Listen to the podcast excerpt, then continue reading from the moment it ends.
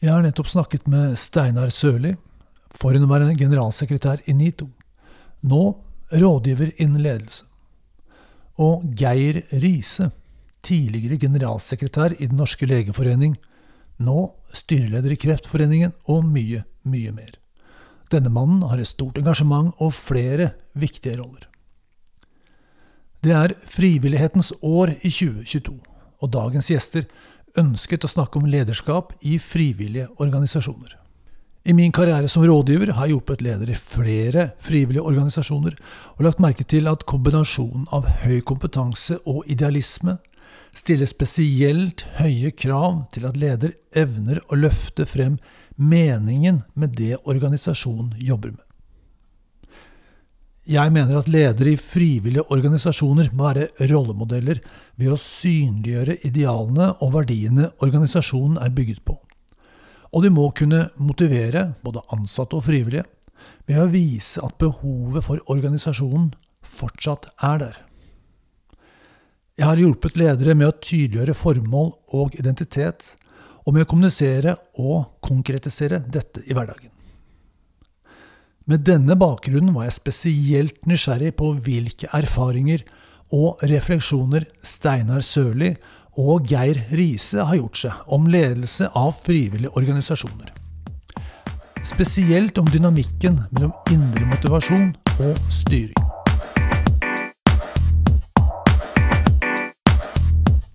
Du lytter til I Prosess, spesialister på innovasjonsprosesser og endringsledelse. Mitt navn er Tor Berntsen, og jeg sitter her i biblioteket på Grand Hotell med to interessante gjester. Og Da vil jeg gjerne starte med å ønske velkommen til Steinar Sørli. Du er generalsekretær i NITO, Norges ingeniør- og teknologiorganisasjon. Jeg var inntil nylig, Tor. Du var inntil ja, nylig, nå har ja. jeg, har jeg gått av etter elleve år. Åh, hva gjør du nå, da? Nå nyter jeg livet, holdt jeg på å si. Nei, nå er- jobber jeg som selvstendig rådgiver. Ja. Og tar på meg litt morsomme oppdrag innenfor ledelsesutvikling. Du Det er det jeg driver med nå. Men du si, bare for, for å skjønne overgangen her. Altså, si litt om hva var oppdraget til NITO? Og hva tenker du er oppdraget ditt nå? Oppdraget til NITO var å få flest mulig ingeniører og teknologer til å bli medlemmer av NITO. Ja. Eh, De nærmer seg 100 000. Eh, Mitt oppdrag nå er å gjøre helt andre ting. Så eh, det skal vi komme tilbake til mot slutten, tror jeg. Men eh, jeg har bestemt meg for å gjøre noe helt annet etter elleve år på toppen der. Veldig Fantastiske elleve år. Men eh, nå var det tid for noe annet. Ja. Spennende. Den andre som jeg gjerne vil ønske velkommen til, er jo Geir Riise, styreleder i Kreftforeningen. Velkommen, Geir. Ja, tusen takk. Kan du, si, kan du si litt om oppdraget til Kreftforeningen og din rolle som styreleder? Hva er spesielt med det? Nei, altså Styreleder er jo å lede styresmøter og bygge godt opp under eh, den gode jobben som generalsekretæren og administrasjonen i, i Kreftforeningen gjør. Ja. Og det å få flere medlemmer. Eh, klare å gjøre noe med eh, kreftsaken. Eh, bidra til at eh, færre får kreft. Flere kan få lov til å få gode liv med kreft. eh, og man kan klare å støtte godt opp under forskning og det å gjøre livet så godt som mulig for de som, eh, som har kreft eh, og deres etterlatte og pårørende. Ja. Det blir jo stadig flere og flere av oss, ettersom jeg hører. Ja, det var jo 37 000 som fikk kreft i fjor. Og det var flere enn året før, Ja. bl.a. pga. pandemien. Uff da. Jeg, jeg, det er bra at Kreftforeningen finnes, for å si det sånn, og takk for at du er her nå. Uh, Steinar, jeg er opptatt av at lytterne våre blir litt kjent med mennesket bak eh, lederrollen. Kan du si meg, fortelle én ting om deg selv, eh, som passer personlig eller privat, som gir oss inntrykk av hvem du er som menneske?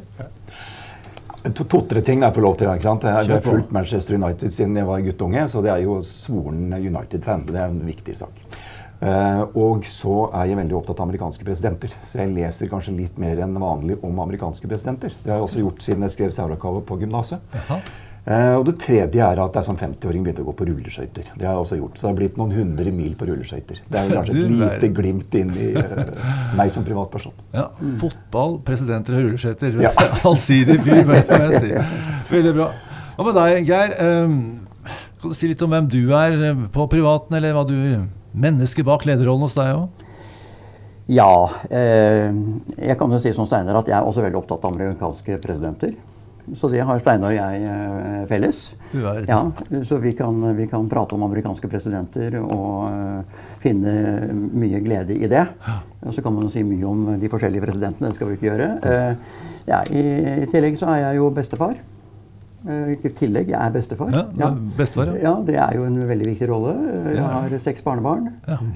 Alt fra lille Alma, som nå er ca. to måneder, til Mathias, som snart er ti år. Eller ni og et halvt år. Eh, og, og i tillegg så tror jeg at jeg er en, en glad gutt. Og jeg liker å være i fysisk aktivitet. Være på hytta. Ja. Fiske. Ja. Men når Geir skryter av barnebarna altså, Jeg har jo fem barn nå, da. Du har det, I alderen 38 på eldstemann og 15 på den yngste. Så jeg har holdt på med barn og barneoppdragelse siden jeg, gikk i kortbukser også. Ja, ja, ja, ja. Og dette er jo på mange måter livets dessert. ikke sant? Så det, det er å både bli bestefar eh, eller besteforeldre og dette å få lov til å være eh, foreldre. Har eh, tre barn, tvillinger på 40 og en på 34. Du verden. Ja. Vi, begynner å, vi begynner å bli gamle. Vi gjør det? Ja, ja. Eller dere gjør det. Jeg er jo Ja, evig ung. Vi er mye yngre. Er yngre. Og må ikke kalle oss rustne herrer. Nei, nei, nei, nei, nei, jeg unngikk det. Det. En liten kommentar på det. for Jeg var på LinkedIn eh, for et par dager siden, og der var det noen som hadde en eh, kommentar om at jeg hadde rekruttert en hva er det, 62-åring eller 60, nei, 65-åring var det til en ny jobb. Og det var svære greier, for det er vanskelig å gi 65-åringer jobb.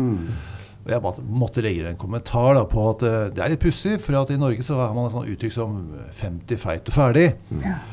Mens i USA, deres president, eh, så, så er det sånn at eh, du kan være over 70 og være president, og du blir kalt ung og uerfaren hvis du er 50. altså Det er jo enorme kulturelle forskjeller her. Det er voldsomt. Biden er jo snart 80. Så Ja, Ja. ja. Så tror jeg at det er et lite skifte.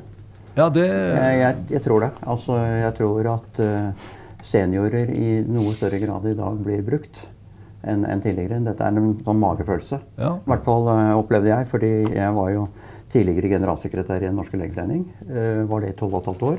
En fantastisk jobb. Men når man da går ut av den jobben for å bli pensjonist, uh, så, så ser man jo at man fortsatt kan få lov til å bidra.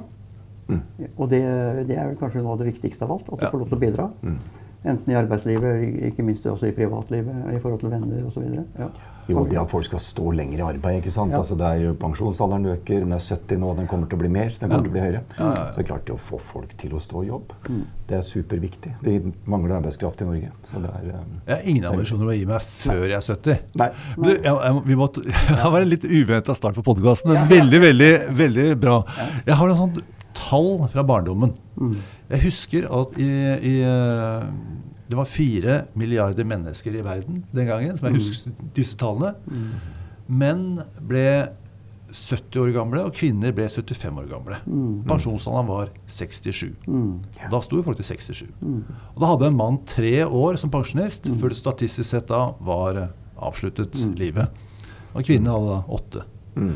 Og så har man da siden den gangen selvfølgelig fått eh, 7,8 milliarder mennesker i verden. Og, og man har altså fått en pensjonsalder hvor noen gir, gir seg ved 62. Og levertider er kanskje 80-90. Altså, det er jo en enorm endring. Det, holder jo ikke på, det henger jo ikke på greip at man skal være kanskje 28 år da, eh, pensjonist. Nei, Derfor må vi jo tenke litt annerledes, tenker Ja. jeg. ikke sant? Altså, I tillegg til alt det du sier, så den aldersgruppen som øker mest, er jo den aldersgruppen som Steinar og jeg tilhører. Eh, 40% vekst i aldersgruppen over 65 år.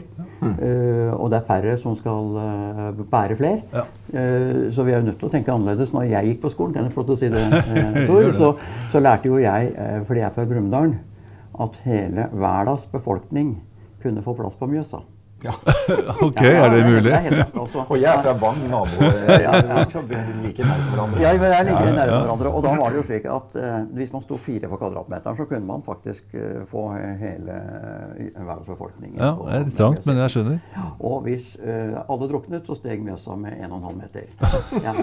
Og da sa vi i Brumunddal at eh, Mjøsa er stor. Ja, jeg Men i dag hadde vi ikke fått plass til alle. Nei. Men, men det du trekker opp, Tor, er vel sikkert kanskje en liten ingress til det som er litt av temaet, altså med frivillighet. Mm. Eh, Det er klart, eh, det er veldig mange som engasjerer seg i frivillighet når de gir seg med kall det normalt arbeid. Og går inn og gjør en frivillig innsats. Og gjør det i flere tiår. Jeg kjenner jo mennesker som er 80 år som har gått på gata nede i byen her etter tunge jobber. Og det er en fantastisk måte å sysselsette seg på. Og bidra til samfunnet på.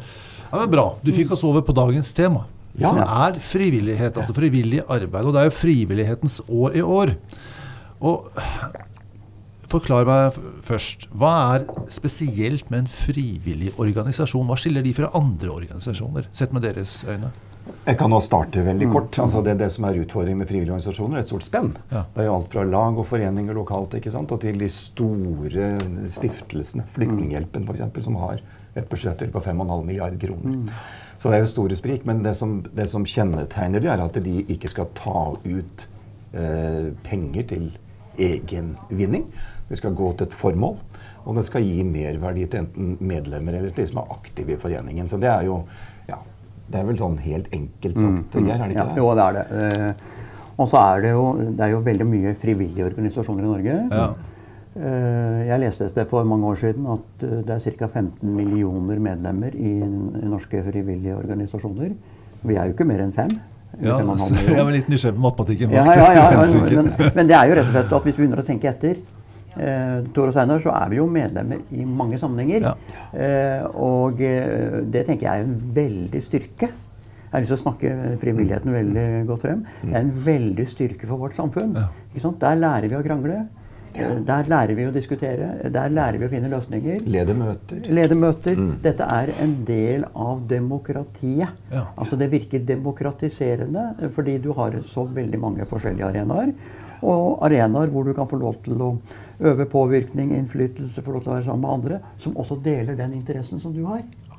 Og du vet som du sier, Geir, altså det er jo så vidt jeg husker over 75% av den norske befolkning er, har ett medlemskap. Og Over 50% har flere enn ett medlemskap. Ikke sant? Så flere av oss er medlemmer mange steder. som jeg sier. Og så må vi jo ikke glemme da, at det er ca. 150 000 årsverk er knytta til frivillig sektor i Norge. Det er svært. Og det leveres jo mange tjenester til kommuner og stat og det offentlige også. ikke sant? Så, så her er det jo det er et stort spenn i dette her, da, som, er, som også gjør det komplisert og utfordrende, og ikke minst morsomt å jobbe med. Vet du nå om det er mer, skal si, eller flere frivillige organisasjoner i Norge enn andre land, eller Europa eller Norden? Hvordan, hvordan er det, er det Kjenner du noe, noe til demografien demografi på det? Statistikk på det, annet enn at vi kan i hvert fall si at, eh, at det er mye av det i Norge. Og jeg tror det i hele Skandinavia så finner du veldig mange frivillige organisasjoner, og jeg har vært med i mange av dem, også politiske. Eh, og, og, og det interessante er jo at du finner jo da søsterorganisasjoner av de organisasjonene du deltar i her hjemme, Akkurat. også i andre land. Ja. Ikke sant? Eh, Både innenfor Norden og, og rent sånn globalt. Ta Legeforeningen. Eh, Så eh, Legeforeningen har jo eh, ja, søsterorganisasjoner eller andre nasjonale medisinske organisasjoner i over 100 andre land. Som da igjen samarbeider i noe som heter World Medical Association, altså Verdenslegeforeningen. Og sånne overbygninger finner du innenfor veldig mange sektorer. Men det er ett begrep vi har i Norge, og jeg har heller ikke statistikk, men jeg skulle tillate meg å gjette, så er det flere organisasjoner eh, i Norge enn de aller, aller fleste steder. Mm. men vi har begrepet dugnad. Og dugnad er jo knytta til frivillighet. Og dugnadsånden i Norge Nå gikk den riktignok ned under korona, for det var jo helt eh, Sånn måtte det bli. Men det er jo en 60-70% av som er på dugnad. Eh, og kanskje flere. Så dette dugnadsbegrepet er jo virkelig samfunnsbygging da, i Norge. Og som jeg, jeg tror er ekstremt viktig for å få samfunnet til å gå rundt. Ja. Og Derfor er frivillighet et ekstremt viktig tema. Og, og hvis jeg kan si én ting til Gjør det. ja, Det er at det også er eh, sosialt utjevnende. Ja. På hvilken måte? Ja, På den måten at her møtes jo mennesker fra ulike deler av samfunnet. Ja. Ikke Sånn, sant? Som eh, kanskje ellers ikke ville ha blitt møtt hverandre i arbeidslivet, eller som eh, da deler en oppgave og en interesse sammen. Som gjør at samfunnet som helhet blir mer integrert. Og det Eh, siste der, Geir, hvis du ja. bare får lov å komme med et lite innspill. Altså, jeg har jo møtt masse av våre nye landsmenn opp gjennom årene.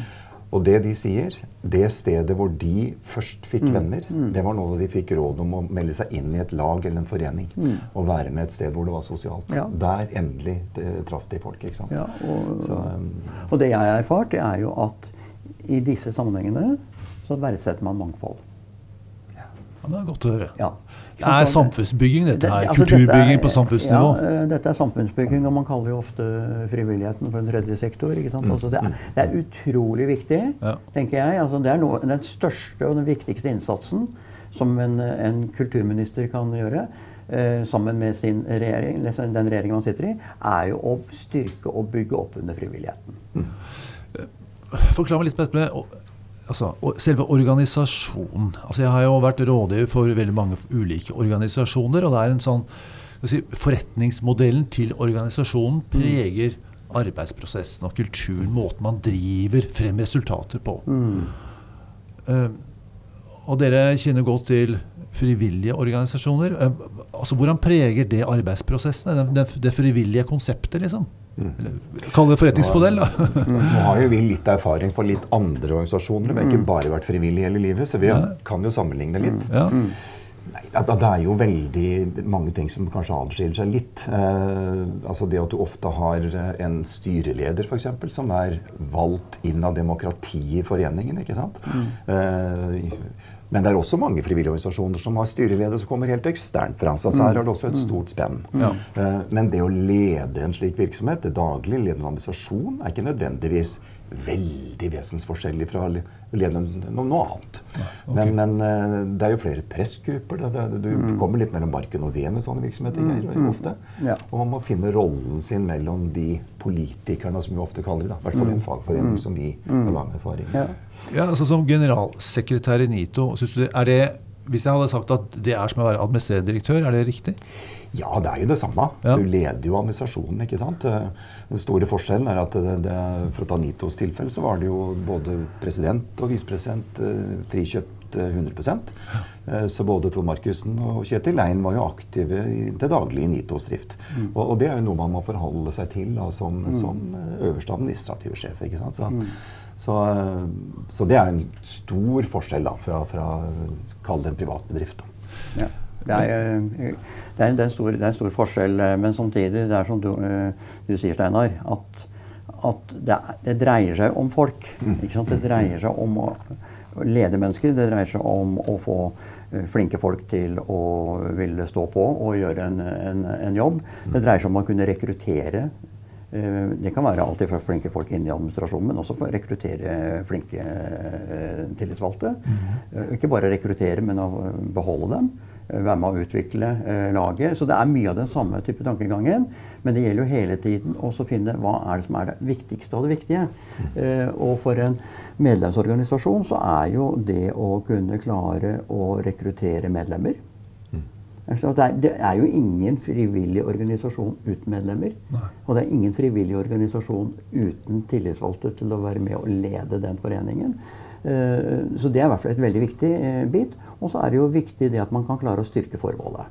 Altså F.eks. i Legeforeningen så var det eh, viktig at, at Legeforeningens medlemmer, eh, som hadde utrolig mye kompetanse om hvordan det er å jobbe i helsetjenesten, eh, ja, da er det jo veldig viktig at den kunnskapen også kommer til uttrykk på en slik måte at man får de gode rammene for å kunne utvikle helsetjenesten til pasientens beste.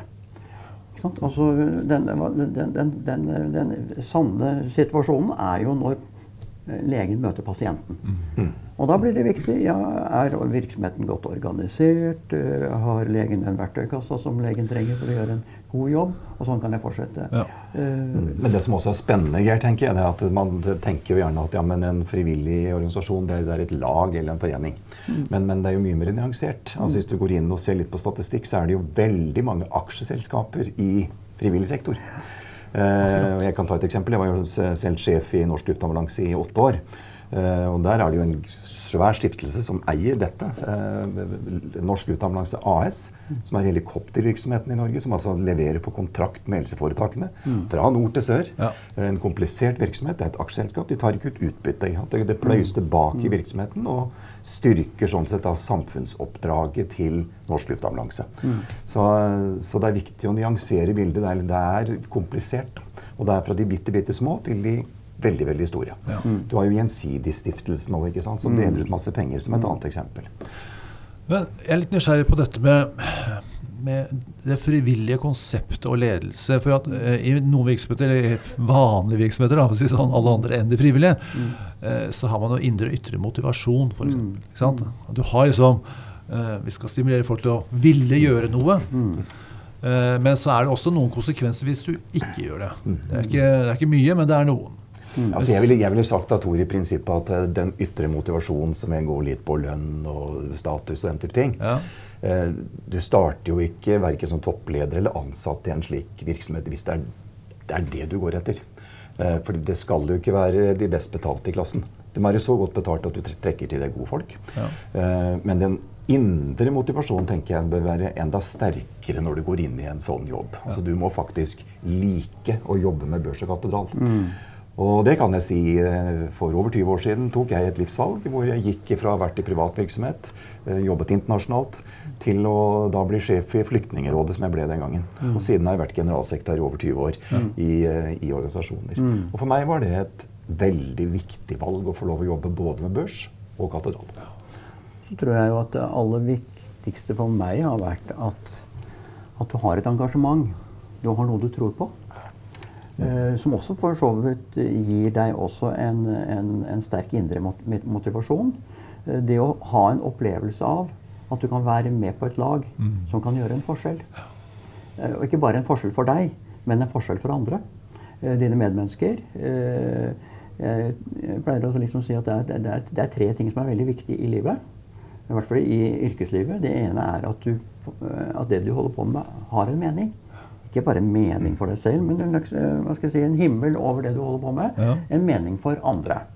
Det andre er at du kan få lov til å mestre det du holder på med, gjennom det laget som du enten er en del av, eller som du leder. Og det tredje er en tilhørighet.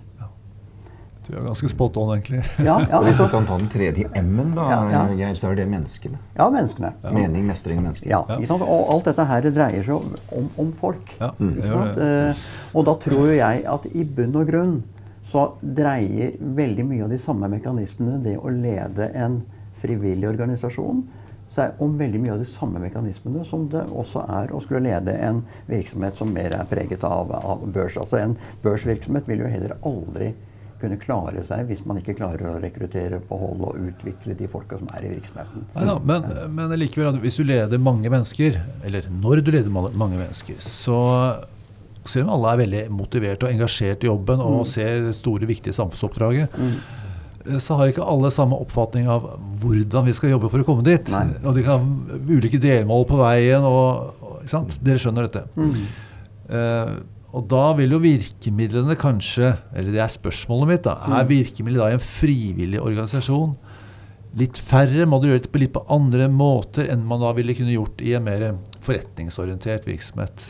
Tanker om det? Jeg kan jo starte Ja, bitte ja. lite grann. Ja. Eh, Altså det første er jo min erfaring etter såpass mange år at uh, slike virksomheter trekker jo til seg ofte folk som har lyst til å jobbe sånne steder. Det er et godt utgangspunkt. Og det er mennesker med mye vilje. Så, så det er jo ikke slik at det er friksjonsfritt. Og det, det skal det jo ikke være i sånne virksomheter. Eh, jeg tenker at det å lede en stor frivillig organisasjon med et formål, med masse medlemmer, eh, som har et stort samfunnsoppdrag, så er det noen elementer som er svært viktige. Du må ha et system i bånn. Altså du må ha orden på pengene dine. Altså Du må være fullstendig sikker på at du har orden på pengeflyten hos deg. Eh, og så må du ha en strategi og et mål som er tilpasset den medlemsmassen du har.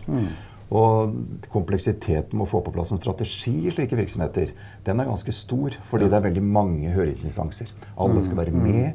Det er jo ofte landsmøter som skal inn. ikke sant? Så det tar jo litt lang tid. Eh, og det tredje som jeg har lyst til å peke på, det er at ofte så løper kanskje administrasjonen raskere, for det er lettere å snu seg rundt. Mens den demokratiske delen av virksomheten, hvor det er veldig mange mm. instanser og grupper og utvalg og råd, så tar det lengre tid å få til endring. Og den der eh, potensielle friksjonen der, da, den skal man være veldig oppmerksom på. Ja, det vil jeg tro. Ja. Uh, og der Alle har selvfølgelig gode intensjoner og er kanskje flere idealister i sånne virksomheter enn man finner eh, ellers. Eh, men likevel så, så ser jeg en dynamikk da mellom det der kravet til full kontroll på penga, effektive prosesser, for du kan ikke sløse penger. Og så skal du ha ganske skal si, omfattende jeg har lyst til å si omfattende og ikke saktegående, for at det, det er viktig. ikke sant? Men omfattende prosesser som tar tid, som kan kanskje bidra til at det blir sløsing, eller i hvert fall mer tidsbruk, eh, økonomisk bruk, og kanskje man ikke når målet like raskt eller like presist. Eh, Altså, hva er eh, utfordringsbildet? Innovasjonsdelen, Geir, er kanskje en av de tingene som jeg tidvis opplevde som eh, kanskje mest krevende. Fordi igjen, det er mange kokker, ikke sant? det er mange synspunkter. Eh, de leder du en, en ingeniørrik eh, organisasjon, så er det jo masse folk der ute som kan mye om innovasjon. ikke sant? Så, så man må nyppe, ha store ører, pleier jeg å si. Store øyne og store ører Ja. og god nese. Ja, så kan man ja, jeg er mye, mye enig i det. Og så er det jo, det er jo Men det er jo da også synliggjøre hva du faktisk også får til, da. Ikke sant? Altså, det er jo synliggjøre hvordan du bruker pengene. Ja. Ja, Du var inne på formålet. Ja, ja altså at de pengene for eksempel, man da samler inn, skal gå tilbake til formålet. Sette klare, eh, ufravikelige krav til hvor mye som skal gå tilbake til, til, til formålet. At ikke bare pengene eh, sløses bort. At du har effektive arbeidsprosesser. At man, eh, at man bruker de ressursene man har på en, på en fornuftig måte. At man jobber med arbeidsmiljø. At man ser at de som har betalt for å, å gjøre en jobb, at de faktisk er på jobb. At man styrker alt det som har med nærværsfaktor å gjøre, slik at, man, at ikke du har et høyere sykefravær enn det du skal ha. At de som er i virksomheten, opplever at de, de får brukt sin kompetanse og er med på å utvikle virksomheten. Altså, det er jo mye av de samme, samme mekanismene. Og så er det jo kanskje mer krevende i en frivillig organisasjon, det er dette med å prioritere. Ikke sant? Altså at man, man kan ikke gjøre alt. Altså Det kan ikke være vegg-til-vegg-teppe på alt. Jeg pleier å si, jeg har sagt i alle år i, lege, i Legeforeningen og generalsekretær, hva er det dette sentralstyret vil bli husket for?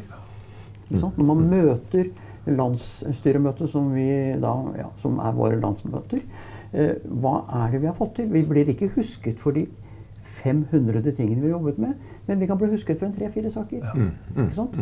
Og, og det at vi skal bli husket for at vi har bidratt med noe positivt, altså vi har fått til noe, ja, det tenker jeg er avgjørende for at den foreningen også skal kunne rekruttere og beholde flinke folk.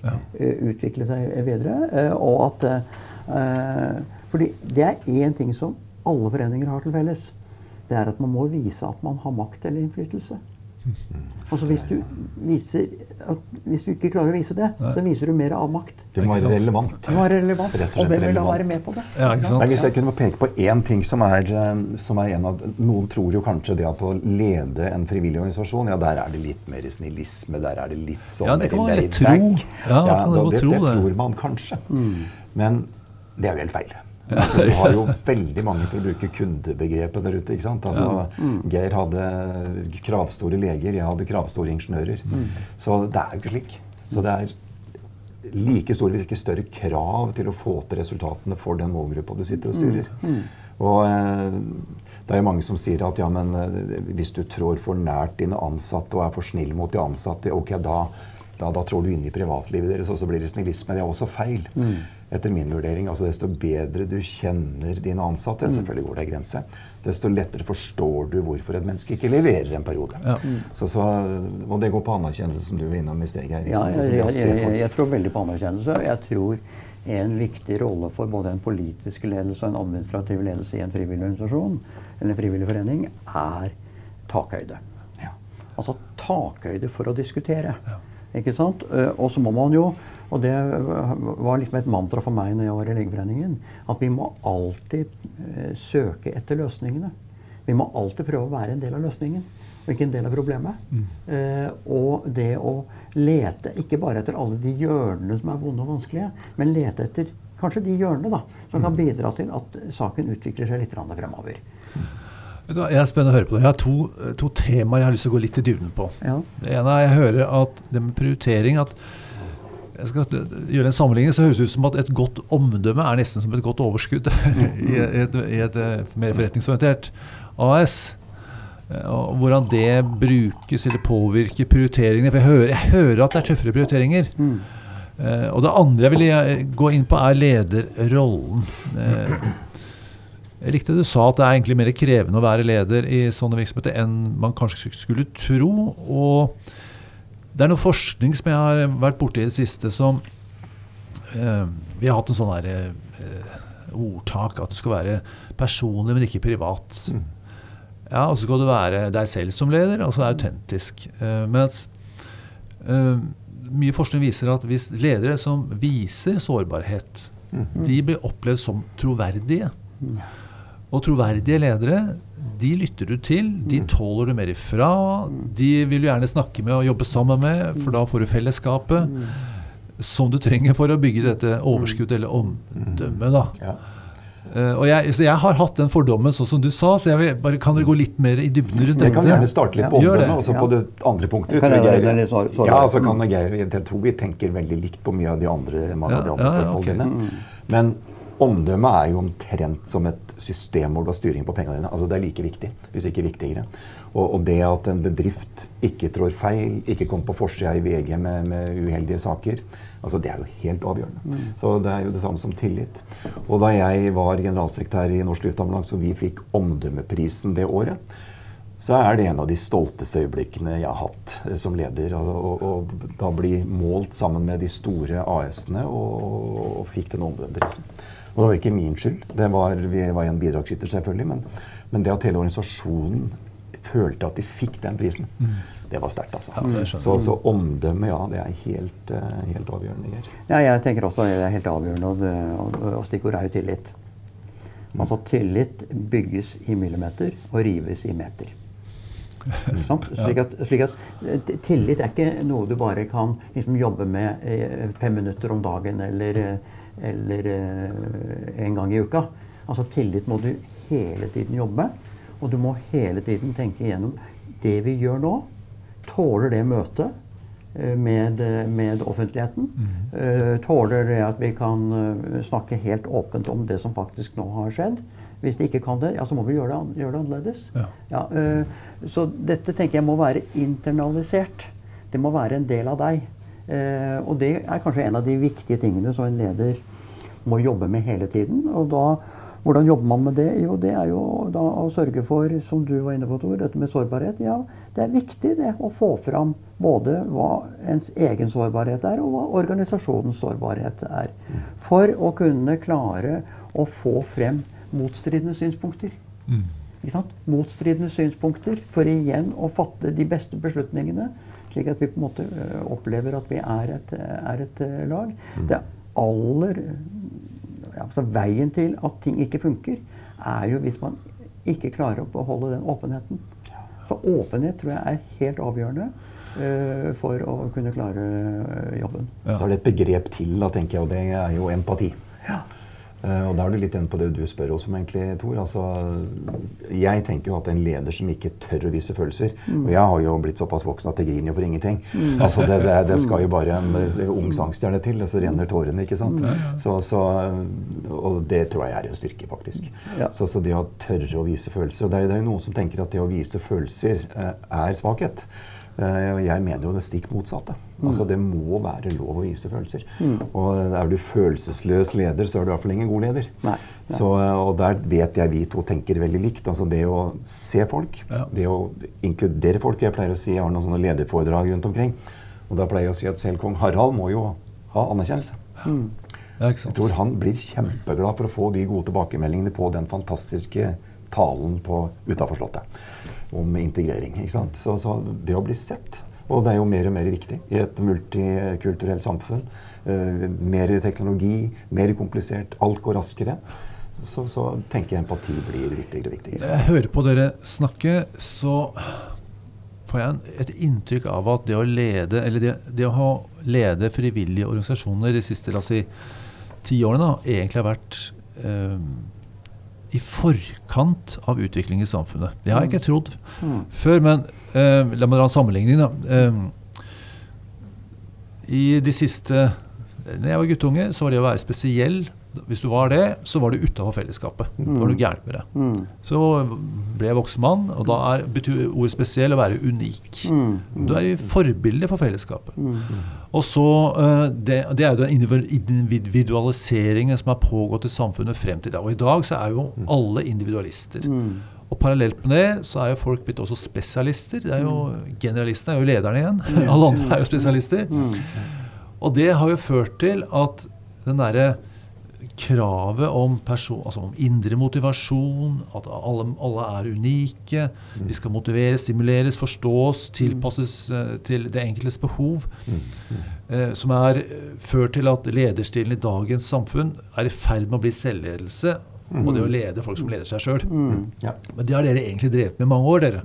For dere har hatt disse brennende, eh, engasjerte individualistene, eller idealistene. Eh, Men selvledelse må vi jo helt sikkert komme litt innom. For det er klart med den, og ikke bare med korona, men med ny teknologi Du kan sitte hvor som helst. Nå sitter vi på Grang her og gjør disse tingene her. Eh, vi kan jo sitte hvor som helst. Og dette med fjernledelse. ikke sant? Du ser ikke folka dine hver dag. Og for sånne kulturfolk som Geir og meg, som liker å se folk og prate med folk, så er jo det fryktelig. Ja. Så jeg skal være så ærlig som å måtte sende folka hjem på hjemmekontor var jo grusomt. Fordi du fikk jo ikke sett dem verken i trappa eller i heisen eller med, med kaffemaskinen. Og for oss som er litt sånn som walking around-folk, som liker å prate med folk, så er jo dette en av de største utfordringene. det det så det. sitter folk rundt der og skal lede seg selv, ikke sant? og det er søren ikke enkelt. Nei, det er ikke enkelt, men du må, ikke sant? Altså, samtidig så må det også da være at dette skjer i en sammenheng. Ikke sant? Altså, for det er klart at uh, hvis alle skal lede seg selv, eh, så kan jo dette fort eh, bli en slags eh, anarki. Så man må jo ha en, en, en felles struktur og en ramme Ja som dette foregår innenfor. Og jeg tenker noen sånne viktige stikkord autonomi. Ja, ja, ja, altså at du blir respektert for det du har. respektert for det du kan, kan bidra med. at du får tilbakemeldinger.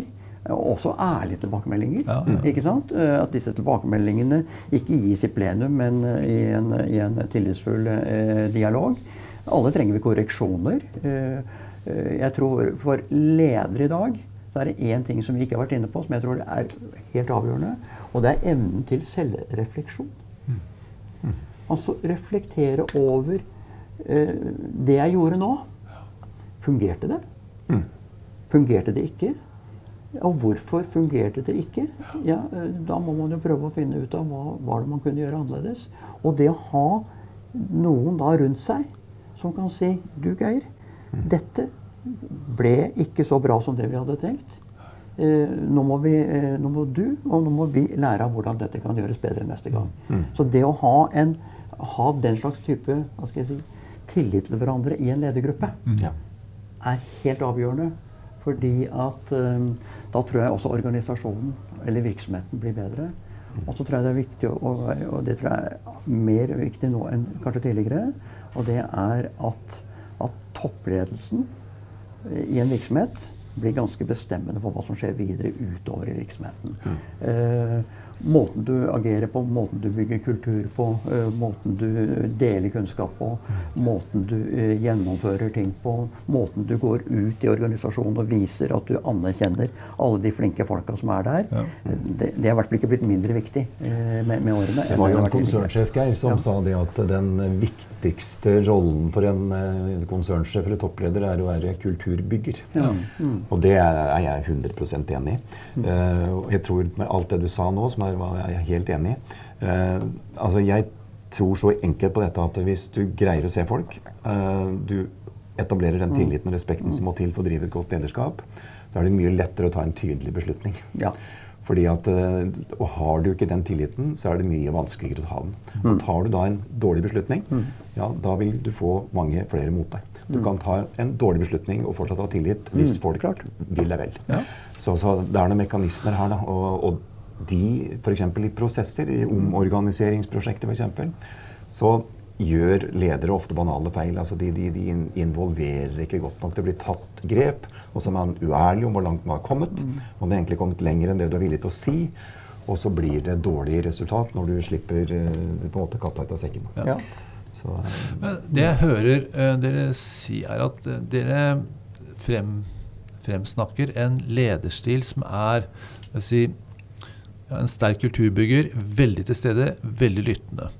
Og et dilemma som mange ledere har i sin hverdag, kanskje til og med selvforskyldt, det er det jeg vil ha deres kommentar på, er jo at de blir nesten saksbehandlere og løper fra møte til møte. Under, under korona var det mange ledere som satt i åttetimersmøter. Altså det var- eller det gikk fra ett møte fra ni til ti, og så ett fra ti til elleve. Altså, sånn, sånn var dagen. Og når du, det Da er ikke korona et godt eksempel på lederskap, for det er spesielt, men når du har en leder som går fra møte til møte hele tida, så er det vel vanskelig å være den der kulturbyggeren med, som er, du har store øyne og store ører, ikke sant? Og som lytter og får med seg ting og inspirerer folk. Ja. Altså, Noen tanker om det litt sånn, det perspektivet da, på ledelse? Jeg kaster meg på litt på den, Gjør det. fordi dette, det du tar opp der, det brenner jeg litt for. Og det, hvis du løper i den fella at du blir løpende det, hod, hodet halsløs nær sagt, mellom møter, da, da, da blir du en dårlig leder. Eh, og jeg har forsøkt i alle mine perioder som leder å ha helt faste møter med faste mennesker helt regelmessig. Så mandagen hos meg det er som internmøter. Da møter jeg folka mine. Eh, og så prøver jeg å unngå alle disse småmøtene. Eh, For da har vi jo ikke vært innom delegering. Eh, Og skal du få til det der, så må man delegere vekk da, og gi folk ansvar. Slik at de kan drive den selvledelsen som vi er helt avhengig av. Men det er der, der det ofte svikter. Altså man, ikke delegerer man nok, fordi man tør ikke.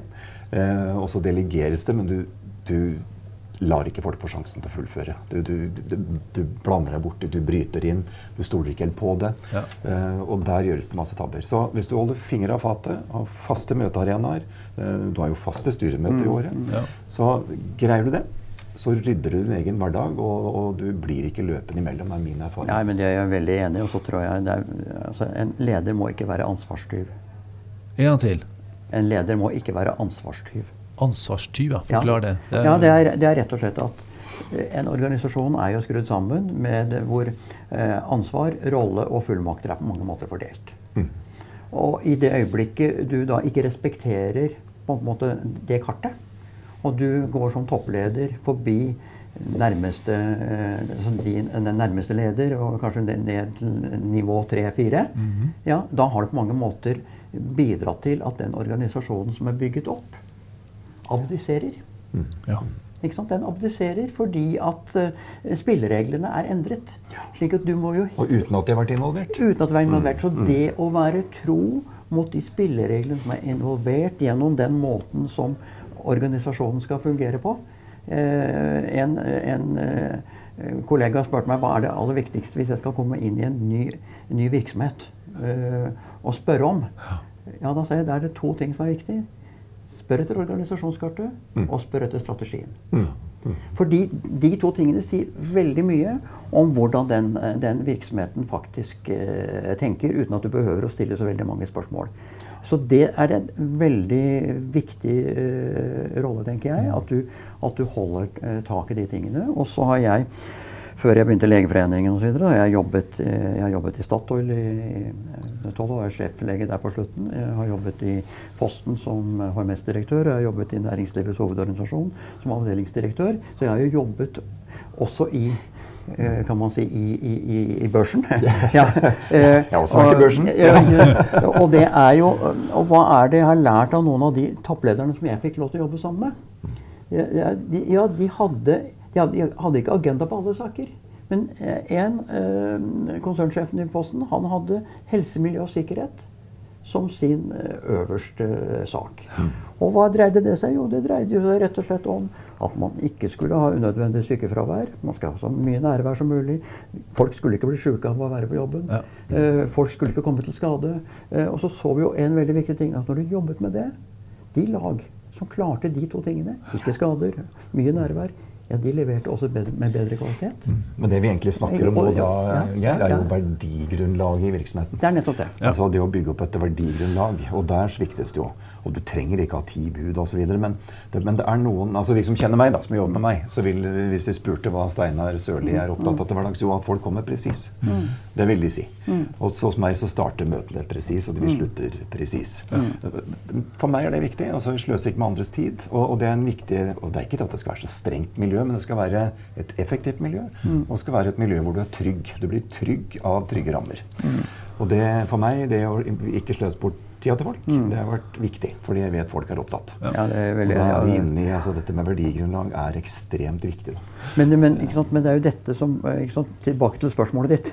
Ja, ikke sant? Hva er det, hva er det, hva er det, hva er, det, hva er ledelse? Jo, jo, ledelse er jo at du kan ikke være saksbehandler. Mm. Eh, eh, altså du, kan ikke, du kan ikke sitte og tro at som en, en, en generell leder med ansvar for en stor virksomhet, at jeg kan den saken mye bedre enn den som faktisk sitter og har det som en hovedoppgave i virksomheten.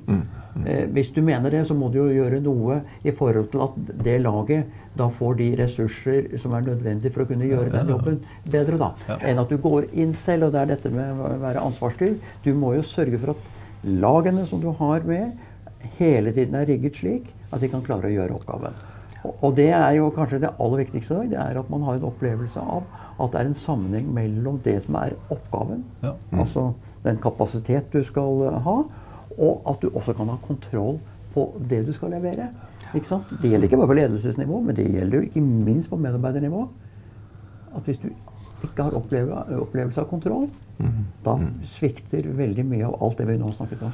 Men da, da må jeg få følge opp med en liten sak. fordi vi, vi, er, jo, vi er jo inne Dette blir mye ja, ja. Nei, men Vi er jo inne med dette med frivillige organisasjoner. ikke sant? Og, og du har snakket om at hva, når generalsekretæren skulle finne på å løpe nedover i linjen og, og, og, og klusse med linja. Men i frivillige organisasjoner er det jo sånn at det er jo valgte ledere, tillitsvalgte f.eks. i en fagforening, som sitter som øverste ledere. Eh, hva gjør vi hvis de begynner å gå nedover i ditt eget system? Og gå nedover i administrasjonen og, og, og, og, legger på oppgaver? ikke sant? Det er en klassisk utfordring i, i type fagforeninger. Eller i andre foreninger med, med sentrale tillitsvalgte. Og- mange generalsekretærer sliter jo veldig med akkurat den problemstillingen. Ja, og da er det utrolig viktig hvis jeg bare kan få det til å føye til, at, at man må respektere hverandres roller. Ja. En generalsekretær har ansvaret for administrasjon eller for sekretariatet. eh, og politisk ledelse har ansvar for politikken. Og det er klart at Hvis man her har uh, altså hvis man vil hverandre vel, Ja. så løses det. Ja. Ja, Det står generalsekretæren i maskinrommet, Ja. og den valgte lederen på broa. Da går alt veldig bra. Okay, vet du hva? Dette her er veldig veldig spennende. Og det, og det har vært veldig mye interessant. her. Vi skal hvert øyeblikk avslutte. Men det, eh, det dere snakker om, det, dette med at lederen skal ha litt god tid, og ikke være saksbehandler, det er en kjepphest for meg også. Jeg har studert mye psykologi og veit jo det at uh, Ledere som har dårlig tid, de er ofte i autopilot. Og da bruker du den, sånn, den reaktive, assosiative delen av hjernen din, eh, som er den mest primitive, egentlig. Det går fort, men det er ikke så veldig analytisk. Og for å bruke den analytiske delen av hjernen, så må man ha det dere snakker om, nemlig god tid, evne til å reflektere regelmessig, og gjerne i samspill med andre. Og, og ha kultur som gjør at man får tilbakemelding, slik at man får nye tanker. Og den derre effektiviteten som noen ledere blir fanget av, hvor de løper fra møte til møte, den ødelegger den evnen noe voldsomt. Da. Det er jeg veldig glad for å høre. Men vi skal avslutte, og eh, Steinar Sørli. Hvis alt går slik du ønsker de neste seks månedene, hva er annerledes da? Jeg må få ille til å være én setning om det du avslutter med der. fordi at jeg, jeg pleier å gi gode råd, forsøksvis gode råd til unge ledere med akkurat det du sier dårlig tid. Altså, Det er ingen andre enn deg selv som styrer din agenda. For at den blir i prinsippet styrt av andre. Men du er nødt for å skaffe deg noen lommer, noen hull, som ingen styrer. Ja. Det, det er kanskje et veldig godt råd. da. Så, så ta det flyet en halvtime senere om morgenen. eller et, altså, Gjør noe som gjør at du får pust, puste. Ja. Eh, nei, eh, jeg har kommet til en lykkelig situasjon nå etter å ha fått lov å lede store organisasjoner i veldig mange år. Som jeg har elsket. Jeg må si jeg har elsket hvert øyeblikk av det. Alle steder jeg har vært. Med, det er nesten ikke unntak, tror jeg. Så jeg har vært veldig veldig heldig. Nei, Så nå skal jeg eh, inn og lære meg en ny bransje, skjønnhetsbransjen. Så jeg jobber litt eh, i en veldig eh, viktig virksomhet som heter Invisibly, som er her i byen. Så hjelper litt med litt administrasjon og økonomi der.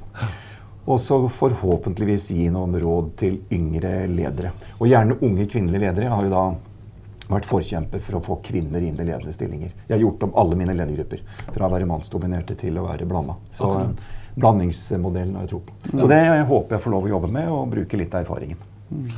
Hva med deg, Geir Riise? Hvis alt går slik du ønsker de neste seks månedene, hva har du oppnådd da? Ja, Det er jo et veldig godt spørsmål, for jeg egentlig ikke er eh, Hva skal jeg si, hva, skal man eh, svare kort og konsist på akkurat det? Jeg har også litt lyst, som Steinar, får lov til bare å si litt rundt dette med tilgjengelighet. Ja, for du var jo inne på dette med, ja, ja. med, ledelse og betydningen av tilgjengelighet. Og, og, det er viktig at du er tilgjengelig som leder, men det er også viktig at du er tilgjengelig for deg selv.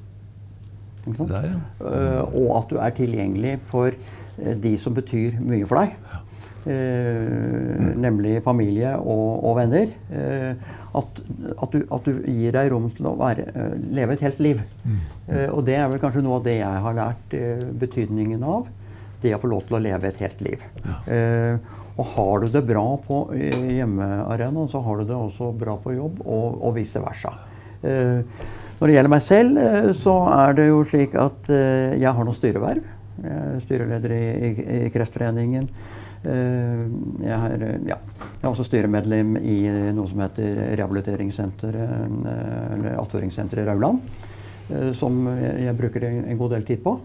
Jeg er veldig opptatt av at alle mennesker skal få lov til å bruke seg selv. Ja. opptatt av akkurat nå dette med utenforskap. Det er for mange som blir stående utenfor. Mm.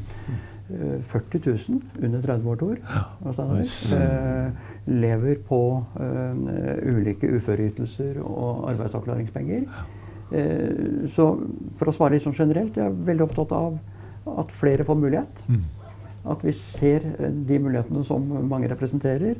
Og ikke minst, du startet med å si at jeg er styreleder i Kreftforeningen. At Kreftforeningen vokser seg enda sterkere som en folkebevegelse slik at vi kan styrke eh, kreftsaken enda mer i, i, i Norge. Og Vi starter med frivillighetens år. ikke ja. sant? Og det, det, Hver eneste dag landet rundt så er det arrangementer eh, for å markere frivillighetens år. Og I dag for eksempel, er det, er det Døveforeningens lands, landsforening som har ja. store arrangementer. Mm. 75-årsjubileum. Bare ett eksempel ja. av det mangfoldet som fins i Norge. Da. Så la oss prise frivillighetens år tenker jeg, og frivilligheten. Da er vi nødt til å avslutte. Hensikten med denne refleksjonen er økt bevissthet. For vi tror at det du er bevisst, kan du gjøre noe med. Og det du ikke er bevisst, gjør noe med deg. Da sier jeg tusen takk til våre gjester. Tusen takk til våre lyttere, og på gjenhør. Takk for at jeg fikk lov til å komme. Tusen takk for meg også.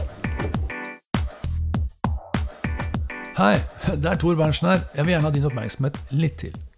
Jeg har nemlig noe du trenger. Som du vet, jobber vi med lederutvikling. Og tradisjonelt har det vært å utvikle ledergrupper eller gjennomføre lederprogram på konferansehotell. Gjerne kombinert med coaching på ditt eller mitt kontor. Det gjør vi fortsatt. Men nå har vi også online lederprogram, som gjør at du kan utvikle deg selv og dine ledere uten en ekstern konsulent, eller med bare litt støtte. Hva betyr det for deg som leder? Jo, to ting. Du kan utvikle mange mennesker samtidig, og prosesser som tidligere ville tatt mange år, kan gjennomføres i løpet av uker og måneder. Det andre er kostnadsbildet. Det kan reduseres med 90% eller du kan få ti ganger så stor gjennomslagskraft til samme pris. Mulighetene er mange. Gå til iprosess.no, eller enda bedre, ta kontakt på post at iprosess.no så kan vi avtale en prat om hva som passer for deg og din virksomhet. Vi snakkes.